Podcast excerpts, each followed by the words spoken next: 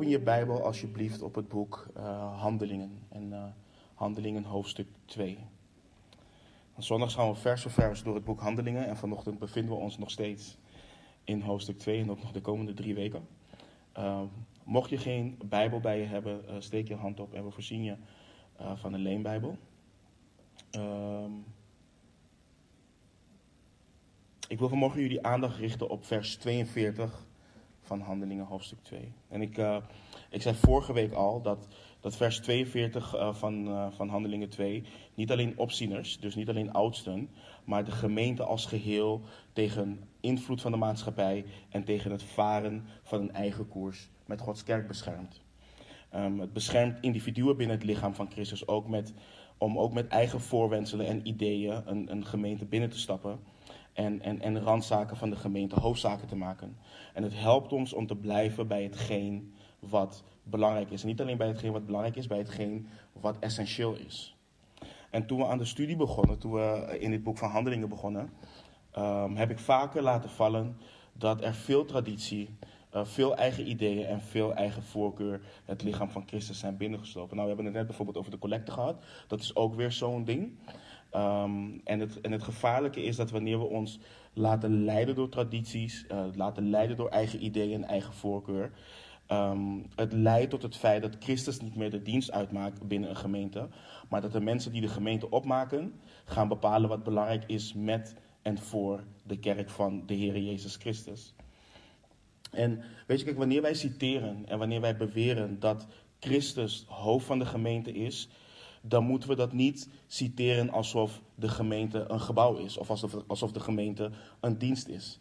Christus is hoofd van de gemeente en de gemeente wordt opgemaakt door de individuen die zijn vrijgekocht met het kostbare bloed van het lam. En dat houdt in dat Christus hoofd is van ieder persoon wat uh, onderdeel is van deze lokale gemeente of welke lokale gemeente dan ook. En Christus als hoofd van de gemeente bouwt zijn gemeente, uh, bouwt zijn gemeente. En Christus als hoofd van de gemeente spreekt tot zijn gemeente. En, en weet je, het is ook belangrijk dan om te vragen: wil je horen van Christus? Wil je het woord van God horen? Is dat waarom een ieder van ons hier vanochtend ook is? Willen we het woord van God horen zodat het ons hart drijft tot het aanbidden van de o zo grote God die we net hebben bezongen? En laten we ons wenden dus tot Handelingen 2, 42. En we lezen daar, en zij volharden in de leer van de apostelen en in de gemeenschap, in het breken van het brood en in de gebeden. En we hebben de afgelopen weken gekeken naar hoe Petrus, de apostel Petrus, richting een vijandige groep Joden sprak, die in Jeruzalem waren voor het Pinksterfeest. En een groot deel van deze gemeente was bij de kruisiging van de Heer Jezus. En vorige week lazen we hoe de Heilige Geest het woord wat Petrus sprak heeft gebruikt om hen diep in hun hart te raken. En we lazen hoe 3000 met vreugde zijn woorden aannamen en aan hen toegevoegd werden op de dag, op dag van Pinksteren. Dus de gemeente is in één keer gegroeid van 120 mensen naar 3120 mensen. En wat we lezen is dat zij volharden in de leer van de apostelen, in de gemeenschap en in het breken van het brood en in de gebeden. En vandaag gaan we ons richten op de leer van de apostelen. Ik zei al, we gaan de komende weken gaan we uiteenzetten wat er in Handelingen 242 gebeurt. En ik prijs de heren voor onze studie door dit boek en dat dit soort noodzakelijke zaken aan bod komen. Want het, het moderne christendom, um, vooral in het Westen, probeert namelijk vaak de noodzaak en urgentie van de schrift niet alleen te minimaliseren, maar vaak ook te verwijderen. En er is iets in de kerk binnengeslopen wat heet in het Engels easy uh, believism. En dit is een gevaarlijke leer en een gevaarlijke houding waarin mensen zich beroepen op het feit dat er alleen geloof nodig is in het christelijk leven, maar dat de noodzaak bijvoorbeeld voor discipelschap, noodzaak voor fellowship en andere fundamentele uh, zaken als het belang van doctrine onnodig zijn. En je hoort in, in, in deze, in, met mensen met deze houding vaak uh, dingen zeggen als maar verdeelt doctrine niet. Oftewel verdeelt leer christenen niet. Kunnen we ons gewoon niet met z'n allen laten leiden door de Heilige Geest? Is het echt nodig om te volharden in de leer van de apostelen. En kijk, één ding wat zeker is, is dat onze broeders en zusters in de eerste eeuw de noodzaak er wel van inzagen. Want dat is wat ze deden, volharden in de leer van de apostelen. En laten we het woord leer, oftewel doctrine, definiëren. Wat is doctrine? En doctrine is een verzameling principes die worden voorgesteld om geloof te accepteren. Met andere woorden, het is iets dat wordt geleerd, een lering. En niemand kan aan leer ontsnappen. Iedereen, dus of ze het weten of niet, iedereen gelooft en leeft volgens bepaalde doctrine in het leven. En die leer kan waar zijn, of het kan niet waar zijn. En zoals ik net zei, volhardde de, de eerste kerk in de leer van de apostelen. Een leer, een verzameling principes en leer over en in relatie tot onze Heer Jezus Christus. En het woord volharden is een belangrijk woord. Want het impliceert dat deze nieuwe gelovigen niet afweken van hetgeen wat hen werd geleerd door de apostelen.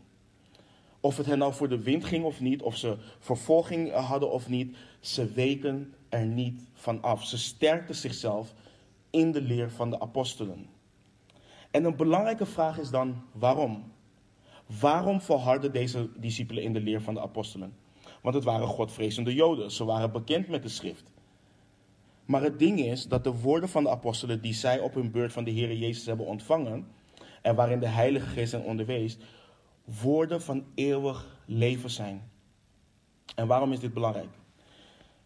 Het is belangrijk omdat voordat deze discipelen de woorden van Petrus met vreugde aannamen, ze zich in een andere staat bevonden, ook al waren dit godvrezende mensen.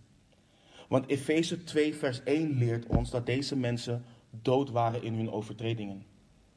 Romeinen 3:23 leert ons dat ze gezondigd hebben en de heerlijkheid van God, God misten.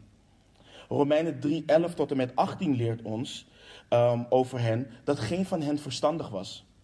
Dat geen van hen God zocht, dat zij allen zijn afgedwaald en samen nutteloos geworden waren.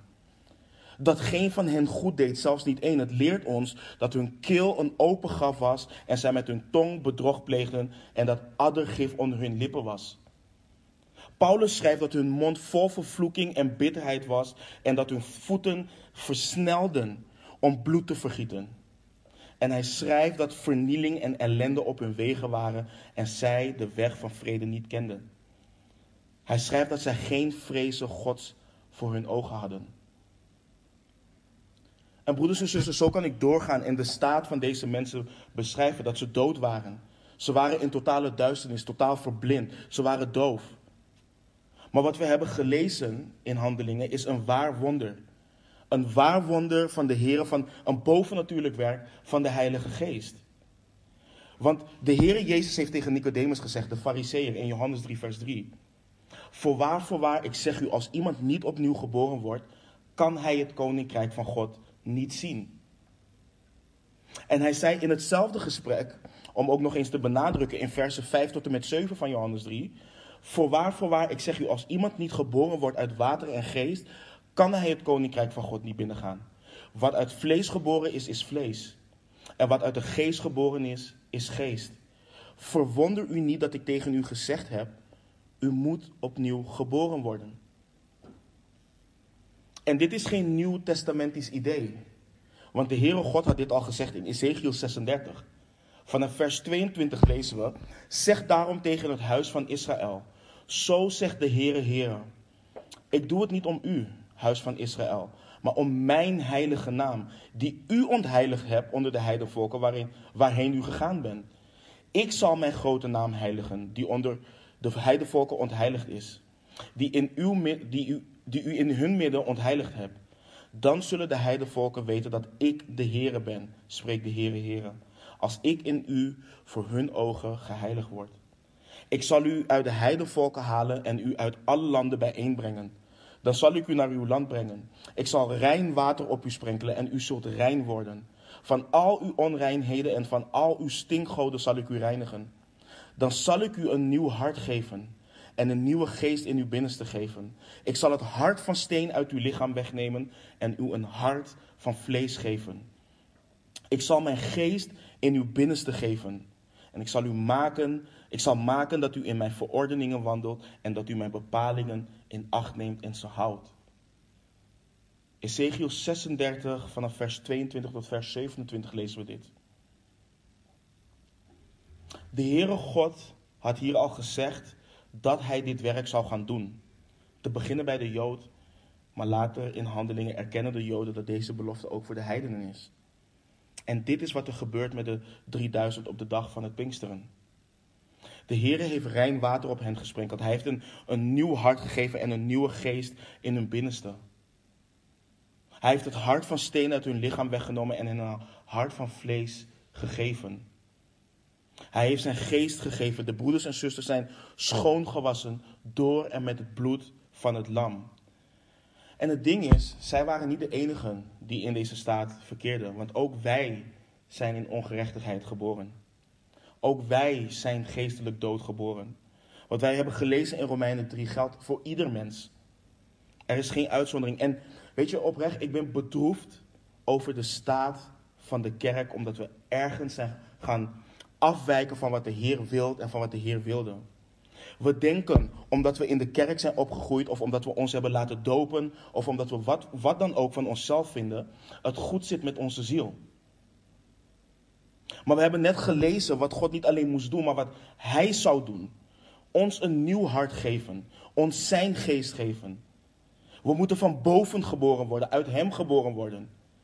En er is niks, maar dan ook niks, wat je kunt doen om deze zondige staat te ontgroeien. Er is niets wat je uit deze staat kan halen. Geen discipline, geen werk. Niks waardoor je dit niet bent. Het is het werk van Gods geest wat dit in ons moet doen.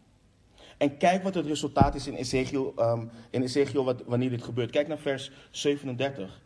Ik zal mijn geest in uw binnenste geven. En kijk wat, hij, wat er staat. Ik zal maken dat u in mijn verordeningen wandelt. En dat u mijn bepalingen in acht neemt en ze houdt. En het is belangrijk want wij definiëren het christelijk leven niet. Wij definiëren niet hoe onze wandel is. En het maakt ook dus niet uit wat voor roeping je denkt te hebben. Het maakt ook niet uit hoe lang je met de Heer wandelt. Als wij uit God geboren zijn, dan maakt Zijn geest die het willen en het werken in ons doet, dat wij in Zijn verordeningen wandelen. Zijn geest maakt dat wij, dat wij Zijn bepalingen in acht nemen en ze ook houden. En nu nu hoor ik een geest door de kerken heen gaan. Een dwaze geest die mensen met een rebellerend en een onwetend hart drijft om te zeggen dat we niet dogmatisch aan Gods woord moeten vasthouden. Dat we niet zoveel bezig moeten zijn met Gods woord. Dat vasthouden aan Gods woord ook averechts kan werken. En broeders en zusters, dit is een leugen. Dit is een leugen wat regelrecht van Satans troon komt. Want het is de Satan die is begonnen met het zaaien en ondermijnen van Gods woord. Het is de Satan die kwam naar Eva en zei: Heeft God echt gezegd? Het is de Satan die heeft gezegd: U zult zeker niet sterven. Terwijl God zei: Op de dag dat u daarvan eet, zult u zeker sterven. En ze hebben geluisterd naar de Satan. En hoe is dat afgelopen? In Genesis 5 lees je het geslachtsregister van Adam tot Noach. En wat lees je continu? Met uitzondering van Enoch. Dan lees je de zin. Hij verwekte zonen en dochters en hij stierf. Hij verwekte zonen en dochters en hij stierf. Tot acht keer aan toe lezen we dit in Genesis. En waarom? Omdat ze niet naar Gods woord hebben geluisterd omdat ze God niet geloofden en vertrouwen, maar de leugen van de Satan hebben geloofd. Ze hebben Gods woord opzij gezet en genegeerd. In anno 2020 geloven we dezelfde leugen. We geloven dat omdat God ons zijn geest heeft gegeven, dat we Gods woord niet meer nodig hebben. Dat we dit christelijk leven op gevoel kunnen leven. En dat we dit leven baseren op tekenen en wonderen van de Heilige Geest. En de dwaas die dit denkt moet gevraagd worden, hoe kijk je naar Gods woord? En hoe kijk je naar de Heilige Geest? En wat geloof je en denk je over de bediening van de Heilige Geest? In het leven van een wedergeboren christen. En waar baseer je dit op als de Bijbel geen autoriteit in je leven heeft? Het is de Heilige Geest die de auteur is van de schrift. En niet alleen van het Oude Testament, maar van heel de schrift. Zowel het Oude en het Nieuwe Testament is ingegeven door de Heilige Geest. Het is de Heilige Geest waarvan de Heer Jezus zei dat Hij de geest van de waarheid is. En dat Hij Gods kinderen zal leiden in heel de waarheid. Want Hij zal niet van zichzelf uitspreken, zei de Heer Jezus. Maar wat Hij gehoord zal hebben, zal Hij spreken. En de toekomstige dingen zal Hij u verkondigen. En broeders en zusters, ik wil u beschermen tegen een valse vorm van religie. En, en, en beschermen en behoeden voor het creëren van een schijn van godsvrucht. De schijn van godsvrucht waarin we denken dat we het woord van God niet nodig hebben omdat het ons fariseeën maakt. En onze emotionele afhankelijkheid van de geest ons op de een of andere manier geestelijk maakt. Ik heb geen stille tijd nodig. Het lezen van de Bijbel maakt me geen christen. En deze dwaze opmerkingen kenmerken ons christendom in het jaar 2020. Maar kijk naar wat we lezen in Handelingen 2:42. Zij volharden in de leer van de apostelen. En van deze leer, van dit woord, van, van de waarheid zegt men nu, daar moeten we niet aan vasthouden. Daar moeten we niet zo dogmatisch over doen. En het is van dit woord, wat aan de apostelen is overgeleverd door de Heer Jezus, waarvan Hij zelf, de Heer Jezus, zegt, tot drie keer aan toe, in Johannes 14, versen 15, 21 en 23. Als u mij lief hebt, neem dan mijn geboden in acht. Hij zegt, wie mijn geboden heeft en die in acht neemt, die is het die mij lief heeft. En wie mij lief heeft, hem zal mijn vader lief hebben. En ik zal hem lief hebben en mijzelf aan hem openbaren. Of in vers 23, als iemand mij lief heeft, zal hij mijn woord in acht nemen. En mijn vader zal hem lief hebben en wij zullen naar hem toe komen en bij hem intrek nemen. En dan zal de dwaas die rebelleert in zijn hart zeggen: Ja, maar dat houdt in dat we alleen naar de woorden van de Heer Jezus moeten luisteren. Want de woorden van de apostelen hebben niet dezelfde autoriteit als de Heer Jezus.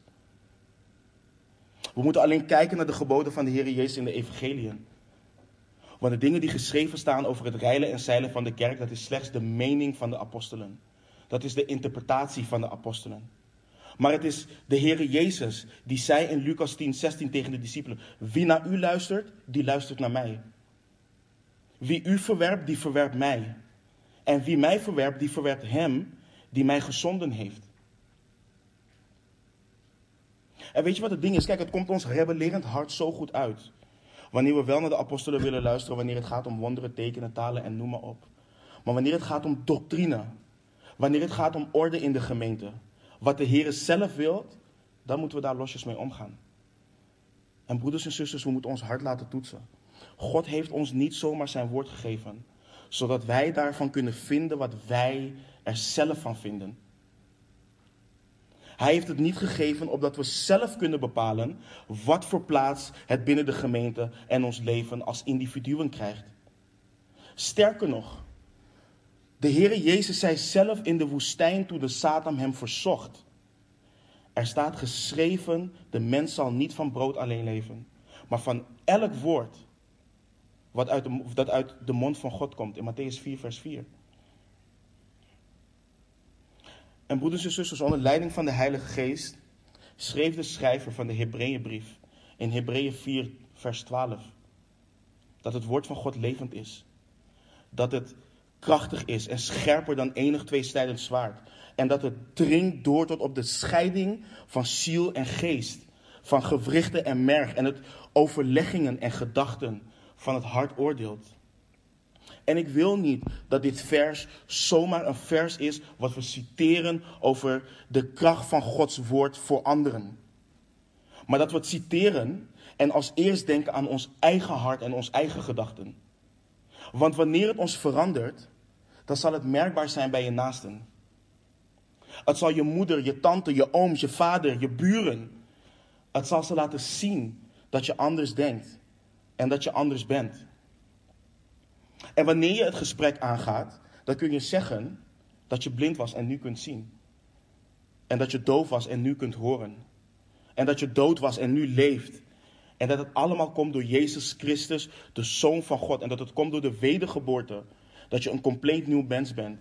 En dat door de leer van de apostelen Gods woord je niet meer leeft overeenkomstig de wil van de wereld, maar overeenkomstig Gods wil. En niet omdat het een lijst met regels is, maar omdat het een levend woord is en God, de Heilige Geest, dit toepast in jouw leven. En de vraag is, hebben we dit ontzag voor Gods woord? Hebben we het verlangen naar Gods woord? En niet alleen tijdens onze stille tijd, maar ook wanneer we samenkomen. Komen we onder andere samen met het verlangen om Gods woord te openen? Zien we de noodzaak van Gods woord wanneer we samenkomen? En weet je, ook al geef ik in, in, in, in studies en Delano ook in al die andere uh, broeders die, die studies geven, geven we toepassingen mee in de studie, studies. Maar het is niet de bedoeling om hier met passie te spreken en jullie te overtuigen om iets te gaan doen wat jullie normaal niet zouden doen of iets niet te doen wat jullie normaal wel doen.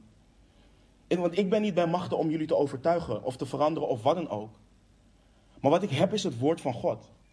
En de Heilige Geest zal dat woord nemen en hij zal het gebruiken om ons hart te doorzoeken.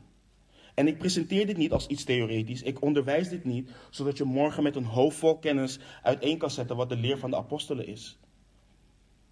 Maar ik pleit hiervoor omdat we beleiden christenen te zijn. We beweren volgelingen van Christus te zijn. Maar we zijn geen christenen omdat we zeggen dat we christenen zijn.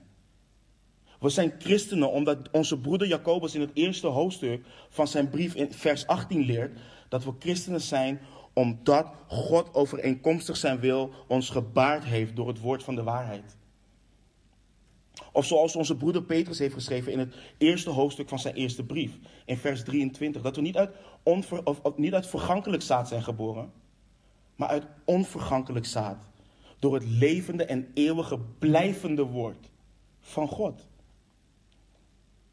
Geen psycholoog, geen pedagoog, geen psychiater, geen maatschappelijk werker, geen filosoof kan met wereldse wijsheid in pacht ons vormen naar het evenbeeld van Christus. Geen kan ons onderwijzen, geen kan ons weerleggen, verbeteren en opvoeden in de rechtvaardigheid. Geen kan de mens die God toebehoort volmaakt maken en tot elk goed werk toerusten. En is dat niet waar we naar verlangen? Om meer en meer op Christus te gaan lijken. Om te wandelen zoals Hij heeft gewandeld. Om niet in onwetendheid te wandelen. We hebben, in, we hebben twee weken geleden gezien hoe onwetend de Corinthiërs waren wat betreft Christus en hun wandel in Hem. Ze hadden geestelijke gaven in overvloed. Profetie, genezing, talen, alles was aanwezig in die kerk. Maar alsnog waren ze onwetend.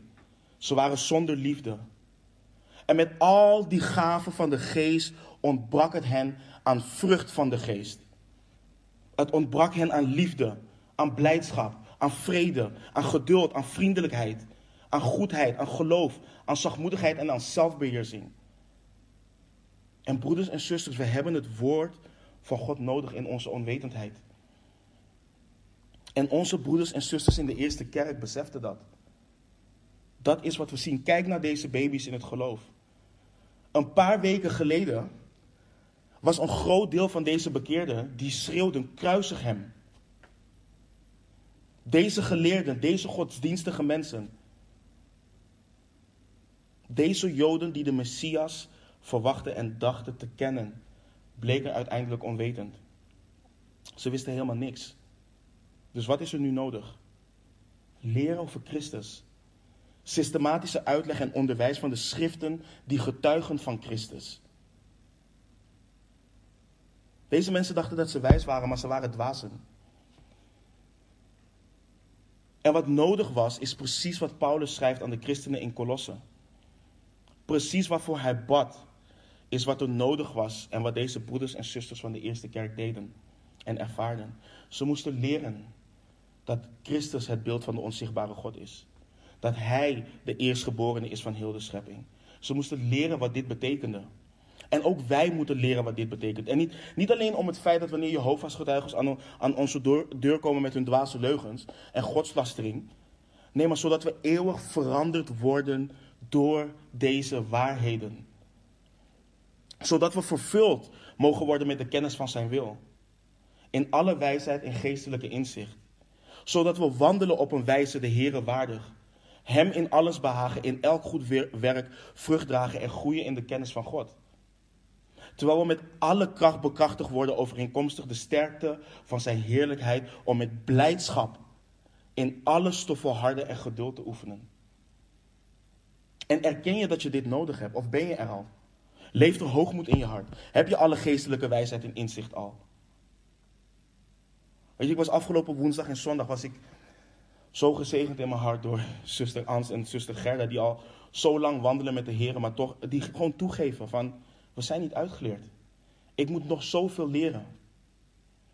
En dit is niet om, om hun te verheerlijken of te verhogen, maar ik verheug me in de nederigheid wat God in het hart plaatst. En dat is wat wij allemaal nodig hebben. Want, want Paulus schrijft, als iemand denkt, denkt iets te zijn terwijl hij niets is, bedriegt hij zichzelf. Dat is wat hij schrijft in Galaten 6:3. En dit bovenstaande leerde ons dat als we niet volharden in de leer van de apostelen, als we het levend woord van God niet tot ons nemen, en als dit niet centraal staat binnen onze gemeente, we als gemeente niet vervuld zullen worden met de kennis van zijn wil. We zullen als gemeente niet eh, vervuld worden met alle wijsheid en geestelijke inzicht. We zullen niet wandelen op een wijze, de Heere waardig, hem in alles behagen. Maar we zullen wandelen op een wijze waarop we hem onteren. En we moeten eerlijk kijken naar onszelf. We moeten onszelf blijven onderzoeken. Weet je, de grote koning David erkende dat hij niets was zonder Gods woord. Hij erkende dat hij gewoon hopeloos en hulpeloos verdwaald was zonder Gods woord. Als je in je Bijbel gaat naar, naar Psalm 119 en als je vanaf vers 9 kijkt, dan schrijft, dan schrijft hij: Waarmee houdt een jonge man zijn pad zuiver? Als hij dat bewaart overeenkomstig uw woord. Hij schrijft: Ik zoek u met heel mijn hart. Laat mij van uw geboden niet afdwalen. Ik heb uw belofte in mijn hart opgeborgen, opdat ik tegen u niet zondig. Geloofd zij u, heren, leer mij uw verordeningen. Ik heb met mijn lippen verteld al de bepalingen van uw mond.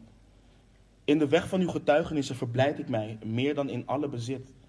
Ik overdenk uw bevelen en heb oog voor uw paden. Ik verblijd mij in uw verordeningen. Uw woord vergeet ik niet. Wees goed voor uw dienaar. Dan zal ik leven en uw woord in acht nemen. Ontsluit mijn ogen en laat mij aanschouwen de wonderen van uw wet. En kijk, kijk bijvoorbeeld naar vers 30. Ik heb de weg van de waarheid gekozen. Uw bepalingen heb ik voor mijn ogen gesteld. Kijk naar vers 89. Voor eeuwig, heren, staat uw woord vast in de hemel. Vers 105. Uw woord is een lamp voor mijn voet en een licht op mijn pad. En vers 130. Het opengaan van uw woorden geeft licht. Het schenkt eenvoudige inzicht. En we kunnen door en door gaan in, in dit hoofdstuk. En dit is een man die gegrepen is door God. Een man die leeft voor de glorie en, en verheerlijking van God. En dit is zijn reactie op de wet van God, op het woord van God. Broeders en zusters, het was niet nodig om David en de discipelen in Handelingen 2 te herinneren om zich te bevinden in Gods woord. Er staat dat zij volharden in de leer van de apostelen. Er staat dat David verheugde in de wet van de Heer. Het was niet nodig om hen hierop te wijzen. Op het belang van de noodzaak van Gods woord. Maar wat gebeurde er toen men daar wel van ging afwijken? Wat gebeurde er toen men dacht dat Gods woord niet nodig was? Of dat men een andere salving had? Een salving waardoor ze geleid worden door de Heilige Geest zonder Gods woord. En Paulus schreef aan de jonge voorganger, aan de jonge voorganger Titus, in Titus 1, vers 10. Delano heeft ons hier doorheen meegenomen. kijk, kijk, kijk wat Paulus schrijft. Want er zijn ook veel opstandigen, mensen die zinloos praten en misleiders. Vooral die van, die van de besnijdenis zijn. En Paulus schrijft verder in het hoofdstuk dat Titus hen streng moet terechtwijzen. Opdat zij gezond zullen zijn in het geloof en zich niet zullen bezighouden met Joodse verzinsels en geboden van mensen die zich van de waarheid afkeren. En aan de jonge Timotheus schreef hij in 1 Timotheus 6, vers 20: O, o Timotheus, bewaar het u toevertrouwde pand. Wend u af van onheilige, inhoudloze praat en tegenstellingen van de ten onrechte zogenoemde kennis.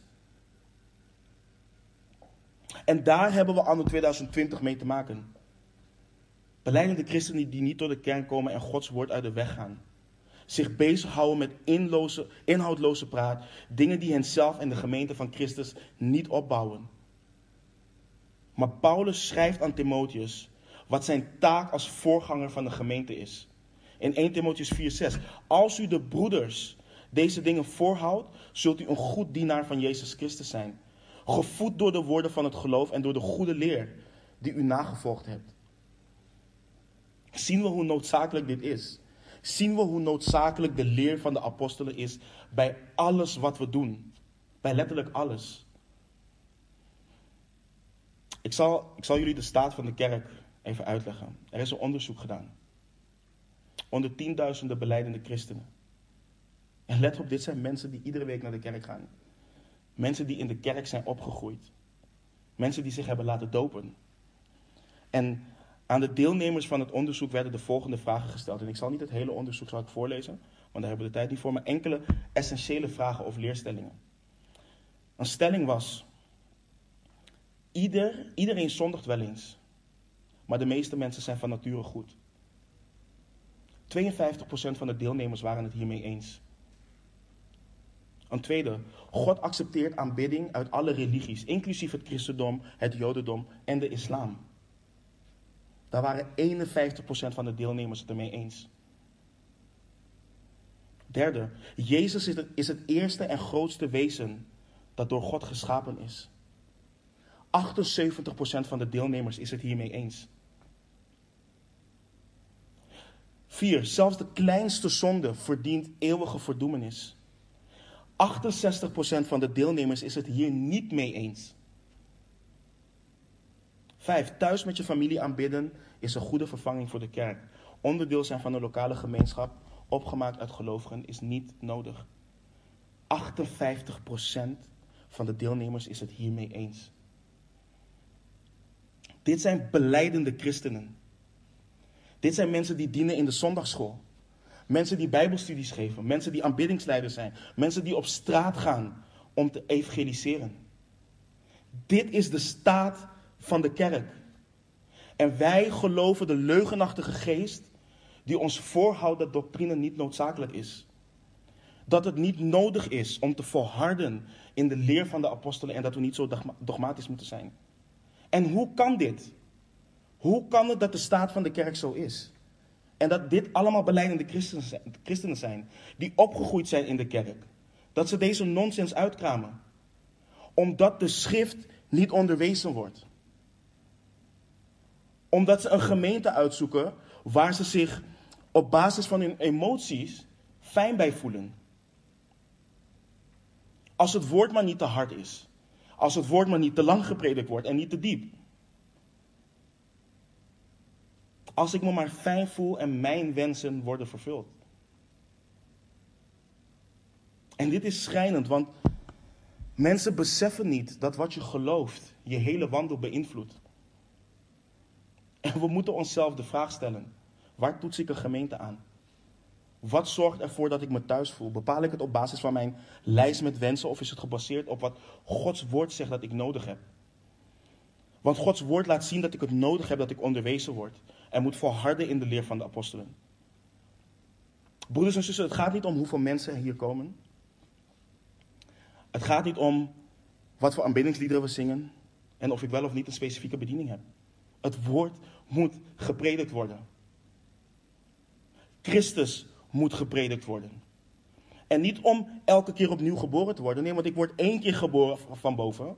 En één keer verzegeld met Gods geest. Maar Christus moet gepredikt worden opdat de geest mijn denken hernieuwt. Opdat ik door het woord te horen, te bestuderen, te begrijpen, ik de gezindheid van Christus mag hebben. Opdat ik door Gods woord, wat de waarheid is, geheiligd word. Het woord moet gepredikt worden, opdat zo, voor zover het kan aan deze kant van de eeuwigheid, ik ten volle zou kunnen begrijpen met alle heiligen. Wat de breedte, lengte en diepte en hoogte is van de liefde van Christus. De liefde van God die de kennis te boven gaat. Opdat je vervuld zou worden tot heel de volheid van God. En hiernaar kijkend is de vraag, is dat genoeg? Is het genoeg als eerste dat het woord wordt gepredikt of heb je meer nodig? Of sterker nog, is het te veel? Is het allemaal te veel en te dogmatisch? is het helemaal niet nodig om zo met Gods woord om te gaan.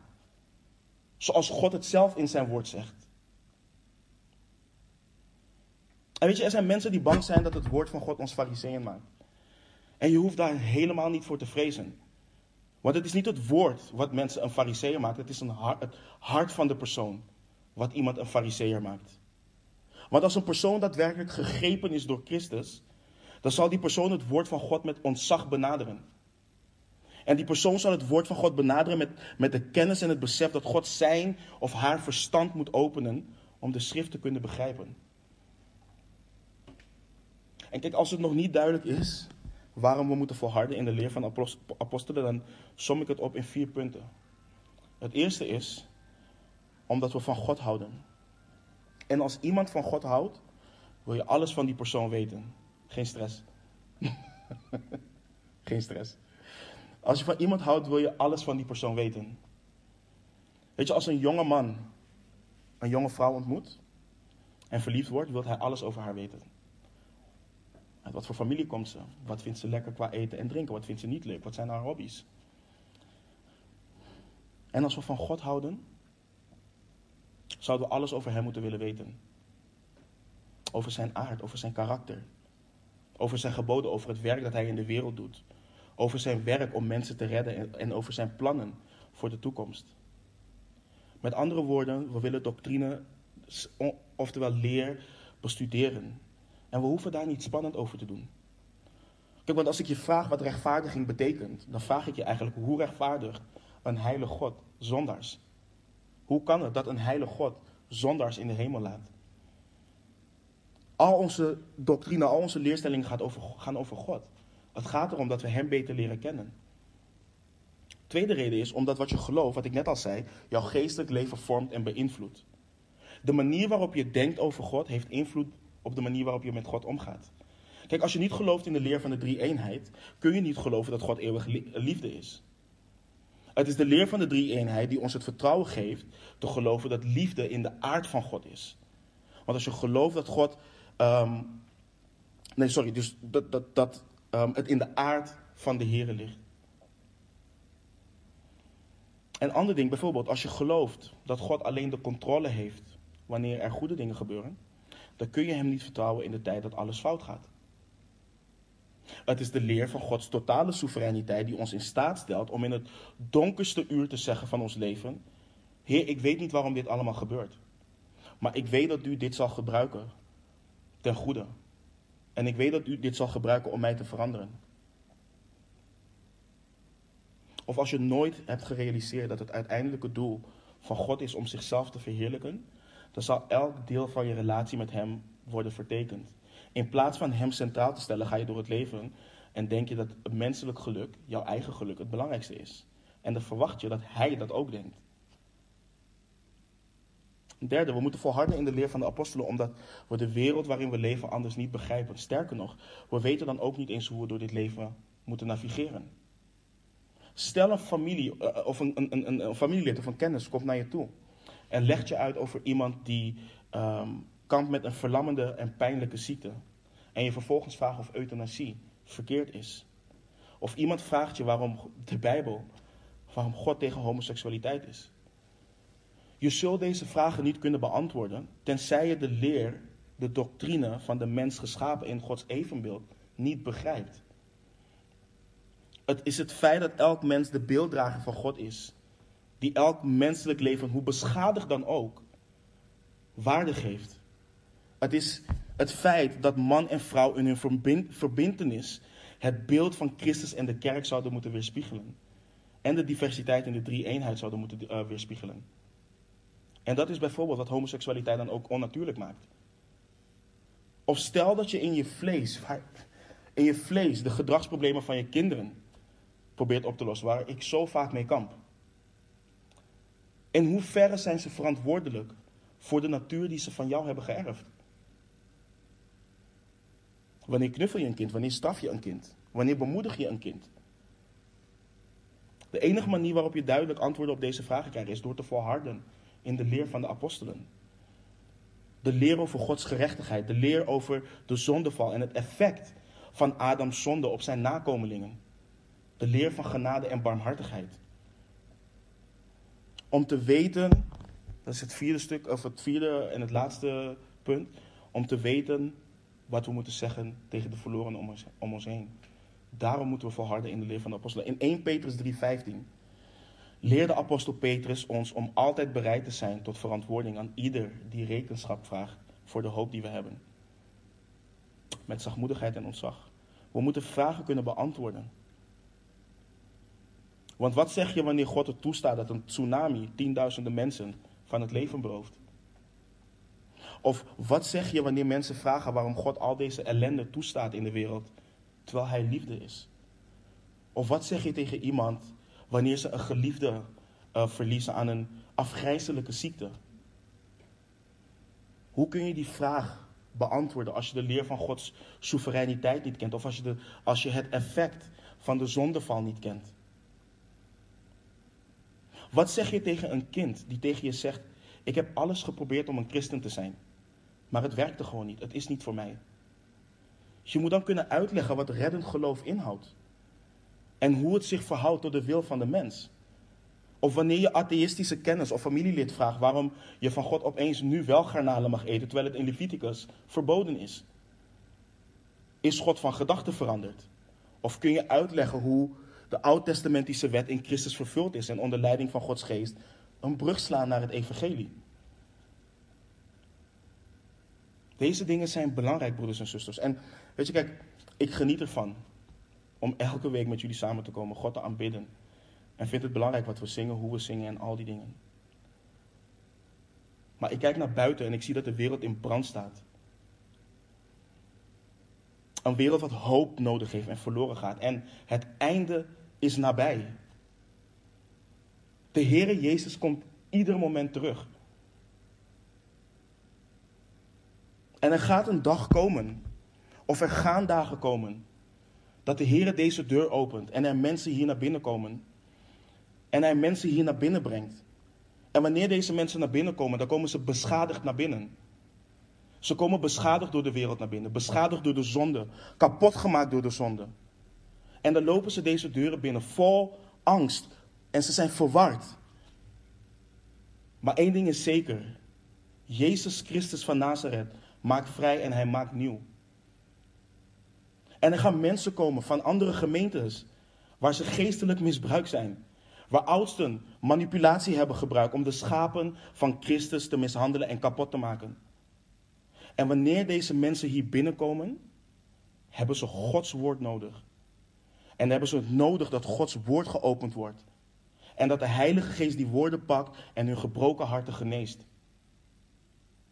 Ze gaan het nodig hebben dat de Heilige Geest het woord wat gesproken wordt, het woord waarvan Hij de auteur is, toepast in hun leven. En ze gesterkt gaan worden in de Heer.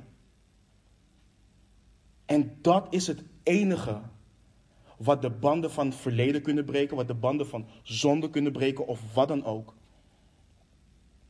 Dat is het enige wat de verdoemenis die de Satan op ieder mens wil plaatsen kan wegnemen. Geen schouderklop, geen psychologie, geen lied, maar Gods woord. En daarom is het belangrijk dat wij volharden in de leer van de apostelen. Opdat we opgebouwd zijn in Christus. Opdat we eensgezind zijn. Standvastig staan in Hem. Het hoofd van de gemeente, het hoofd van deze gemeente. Die deze gemeente gekocht heeft en geboren heeft doen worden met zijn bloed. De apostel Paulus noemt het huis van God de gemeente. Um, hij noemt het het zaal en fundament van de waarheid. En onder die waarheid horen wij te opereren. En onder die waarheid opereren wij hier als gemeente. Want we moeten iets goeds beseffen. Wanneer, we een, wanneer een gemeente van Christus zichzelf verwijdert of onttrekt van het gezag van de schrift, of wanneer een gemeente dat gaat minimaliseren, is die gemeente niet langer een gemeente van Christus. Het is een kerk van mensen geworden. Een kerk waardoor mensen met menselijke wijsheid het rijden en zeilen van de kerk bepalen. We zijn zijn schapen. En Christus is de opperherder. En hij regeert. En hij gaf de apostel Petrus een belangrijke opdracht in Johannes 21. Tot drie keer aan toe zegt de Heer Jezus tegen Petrus: Wijd mijn schapen. Hoed mijn schapen. Wijd mijn schapen. En wanneer je denkt dat dit alleen voor de apostel Petrus was, dan kunnen we lezen dat de apostel Petrus zelf in 1 Petrus 5, versen 2 en 3 schrijft. Hij schrijft aan de ouderlingen, schrijft hij, hoed de kudde van God die bij u is en houd daar toezicht op. Niet gedwongen, maar vrijwillig. Niet uit winstbejag, maar bereidwillig. Ook niet als mens die heerschappij voeren over het oordeel van de Heeren, maar als mensen die voorbeelden voor de kudde geworden zijn. En niet alleen Petrus zag hier de noodzaak van in voor de gemeente. Let op wat de apostel Paulus tegen de ouderlingen in Efeze zegt. Wanneer hij vertrekt in Handelingen 20, waar we waarschijnlijk pas over een jaar zijn. Handelingen 20 vanaf vers 18. Dat zegt de apostel Paulus. Toen zij bij hem gekomen waren, zei hij tegen hen: U weet hoe ik van de eerste dag af dat ik in Azië aankwam, heel de tijd in uw midden geweest ben. En de Heere gediend heb met alle nederigheid en veel tranen en onder verzoekingen die mij overkomen zijn door de aanslagen van de Joden. Hoe ik niets van wat nuttig was nagelaten heb u te verkondigen en te onderwijzen in het openbaar en in de huizen. En ik heb zowel tegenover Joden als Grieken getuigd van de bekering tot God en het geloof in onze Heer Jezus Christus. En nu, zie, ik reis gebonden door de geest naar Jeruzalem. En ik weet niet wat ik daar zal tegenkomen. Behalve dan dat de Heilige Geest van stad tot stad getuigt dat mij boeien en verdrukking te wachten staan. Maar ik maak mij nergens zorgen over. En ook acht ik mijn leven niet kostbaar voor mezelf. Opdat ik mijn loop met blijdschap mag volbrengen. Evenals de bediening die ik van de Heer Jezus ontvangen heb. Om te getuigen van het evangelie van Gods genade. En nu, zie, ik weet dat u allen bij wie ik rondgegaan ben en het koninkrijk van God gepredikt heb, mijn gezicht niet meer zult zien. Daarom betuig ik, betuig ik u op de huidige dag dat ik rein ben van het bloed van u allen. Want ik heb niet nagelaten u heel het raadsbesluit van God te verkondigen. En nu komt dan de opdracht. Zie dan toe op uzelf en op heel de kudde, te midden waarvan de Heilige Geest u tot opzieners aangesteld heeft om de gemeente van God te wijden, die hij verkregen heeft door zijn eigen bloed. Broeders en zusters, wanneer wij hiervan afwijken, wanneer wij dan dit nalaten, dan is dit het recept voor onheil binnen een gemeente. Voordat je het weet, wordt de gemeente heen en weer geslingerd door golven en meegesleurd door elke wind van leer, door het bedrog van mensen die een schijn van godsvrucht hebben. Door mensen die geen ontzag hebben voor Gods woord.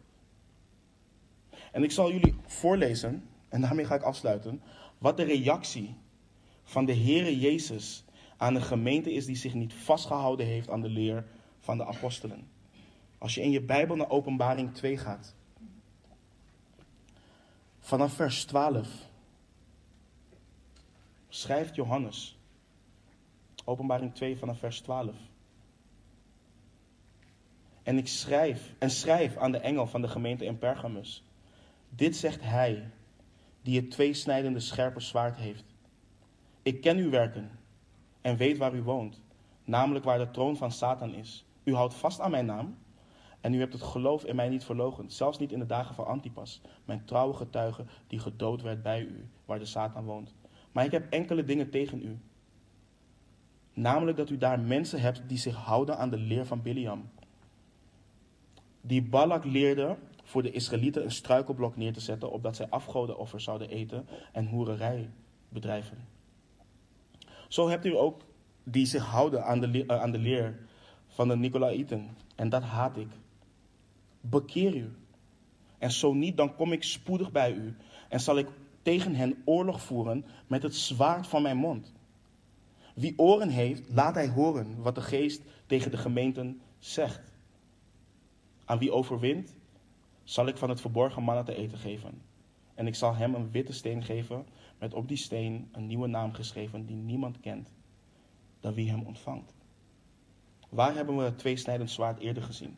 In Hebreeën, wat het levend woord van God is. En waarmee gaat de Heer Jezus oorlog voeren tegen hen? Met het zwaard. Laten we vasthouden aan de leer van de apostelen.